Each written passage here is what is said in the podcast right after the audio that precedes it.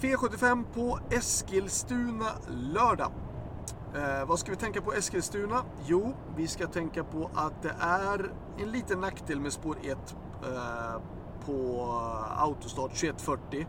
Det känns lite som att det känns nästan som att man startar lite i uppförsbacke från spår 1. Det känns som att start, man får starten senare än alla andra får. Det är lite den känslan man får. Det är svårt att accelerera just ifrån innerspåret.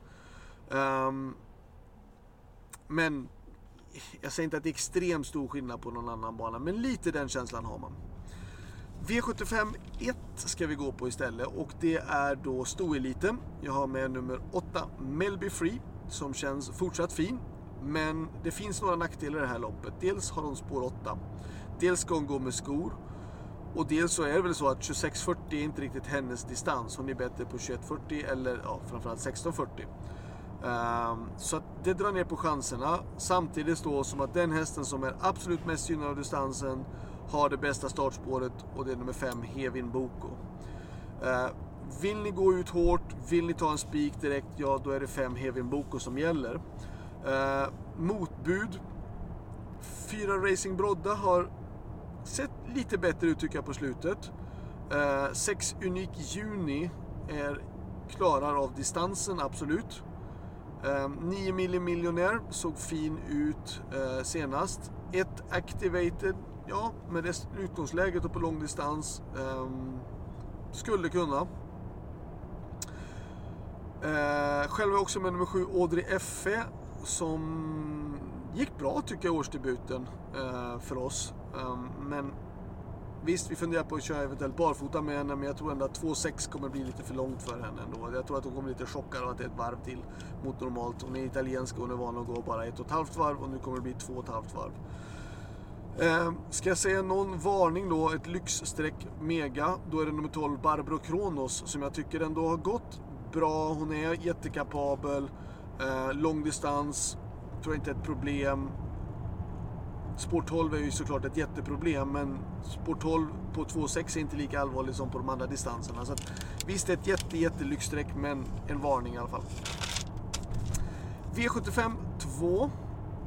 10 La Verité är solklar första häst i loppet. Men jag säger att jag tycker att det är en lite vanskligt när den hästen har bakspår. För den springer väl lite grann och bryter inåt sådär, hänger in i svängarna. Um, det kan vara så att Jorma bara helt enkelt väntar på första svängen och sen kör han till och sen så sitter han i dödens och vinner loppet. Men vill man gardera loppet då tycker jag att nummer tre, That's So Clever, två Fighter Simoni och sju Bowling Orlando är den som är mest intressant emot. Varningen för mig det är nummer ett, Racer Helge, att Magnus Djuse ska köra den hästen tycker jag är intressant. V75.3 är gulddivisionen och eh, Oftast när det är 1640 meter och guldvisionen så är det den som får spets som vinner. Kanske blir rejäl körning här mellan två Hanson Brad och tre Drisco Valante. Um, ehm, Hanson Brad såg fin ut på Axfalla senast, gjorde bra lopp då. Disco Valante har inte visat riktigt form än så länge, men fick en antydan om att det är på väg uppåt senast. Fem Brother Bill har, uh, var jättebra i sin sista start. 9 Diamanten känns fin, men det är klart att det är en stor nackdel av bakspår på 1640. Och ska jag då nämna varningen så är det då nummer 7, Milligan School, som jag har varit... Ja, men han har inte gått något bra på slutet, men han var ju så fruktansvärt bra i somras, så att det känns ju som att vågar man ta bort om det är huvudlags... Eventuellt ska de byta någonting på huvudlaget. Det är klart att plockar man 5, 4, 5 hästar, då ska 7mg skor med på. Alltså det känns dumt att plocka bort dem i sådana fall annars. V75 4. Eh, ett storlopp och tillägg. Eh, jag vill ha med nummer 1 Best in Show. 3 Minucci Zoom. 5 Love Eagle. 6 Cash and Carry. Och 11 Papa Johnnys Ilse. Eh, normalt sett tror jag att någon av de här hästarna som står på start ska ha bra chans. Men pappa Jonis Ilse har ju gått bra på samma tid förut och går hästen eh, barfota så tycker jag att det är superintressant. Varningen för mig det är min egna nummer 10, Valla Valla Broline. hon har ingen jätterolig resultatrad. Hon har inte vunnit tidigare. Men hon har varit ute i stenhårda gäng och eh, näst senast så mötte hon till och med Calgary Games och gjorde det bra. Och hon har hon har bra form, hon ska gå med norskt huvudlag för första gången. Visst, hon står 20 tillägg och det är voltstart och hon har inte visat något resultat. Men jag tycker ändå att det passar upp för att hon har ändå gått ganska så bra. Får hon spara speeden så kan hon avsluta fort. Men före så ska ju rakt klart 1, 3, 5, 6 och 11 rankas. V75 5, då är det spik på nummer 4, vice versa diamant. Uh, hästen fick stryk senast men hade då spår 12 1600 meter och det är helt på Örebro också. Det är jättesvårt.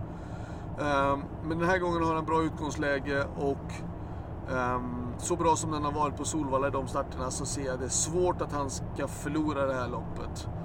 Uh, själv kör två Titon Miss Annie som har sett jättefin ut i Svedbergs regi och gått bra och har ju flera raka segrar. Men tittar man på tiderna och ser på Visa Västra Diamant hur bra den var på Solvalla så är det klart att tro att det är svårt att slå den, men vi ska göra ett försök. Ska jag nämna varningen då, då är det nummer 8, Senato, säger jag då. För hästen, hästen gjorde jättebra lopp på Örebro. Spurtade då full fart över mål. Visserligen har ett skitspår, spår 8 den här gången, men form ska man alltid passa sig för. V75 6 då väljer jag faktiskt att spika nummer 7, Gardner Shaw. Hästen hästen fick stryk senast men har gått jättebra och har ett springspår. Eh, det är inte så vanligt med voltstart i silverdivisionen. Men sjunde spår så tror jag att sex Majestic Man spetsar och sen tror jag Gardner Shaw kommer komma med rejält, ställa en rejäl fråga och då tror jag faktiskt att Majestic Man släpper. Um, visst, Um, finns motstånd. Två Svesak Palema är i bra form, men hon är inte sådär jättesnabb ut i volt. Och jag har kört Dödens varenda gång och jag kan inte säga att jag är sugen på att köra i Dödens igen med henne. Um, tre Morotai Degato är för mig varningen i loppet. Uh, kan öppna bra. Um, bra utgångsläge. Skulle han få rygg på typ Gardner Shaw så tror jag att han kan få lucka. Får han rygg på Majestic Man tror jag inte han kommer att få lucka, men får han rygg, rygg på Gardner Shaw då kan han få lucka i sådana fall. Och för mig är det då den andra hästen nästan i loppet. V75 7. 1 Global Agreement. 3 Erosola. 4 Correa Rebuco. 6 Condor. Eh, det är de som jag tycker är utgångshästar. Ehm, Varnar för 7 One Kind of Art och 10 Gooner. 1, 3, 4, 6. Och varningarna då är eh, 7 och 10. Slutsummering. Jag kan tycka att eh, bästa spiken är i den femte avdelningen nummer 4, vice versa diamant. Min bästa chans? Ja, jag tycker inte att jag har någon sån här riktigt, riktigt, riktigt bra chans. Men en som har tränat bra, som satt fast med rubb och stubb senast och som spurtade bra gången innan eh, och haft flera utgångs, dåliga utgångslägen. Det är faktiskt i den sista avdelningen då, nummer fyra, Kurria Reboko. Um, ehm, han måste med på kupongen och jag tycker han är faktiskt min bästa chans i omgången. Glöm nu inte även att det är V75 på söndag. Då är det Breeders Crown-finaler, jättefina lopp. Uh, så att ni inte missar att det är två omgångar den här helgen. Lycka till så hörs vi. Ha det bra. Hej då.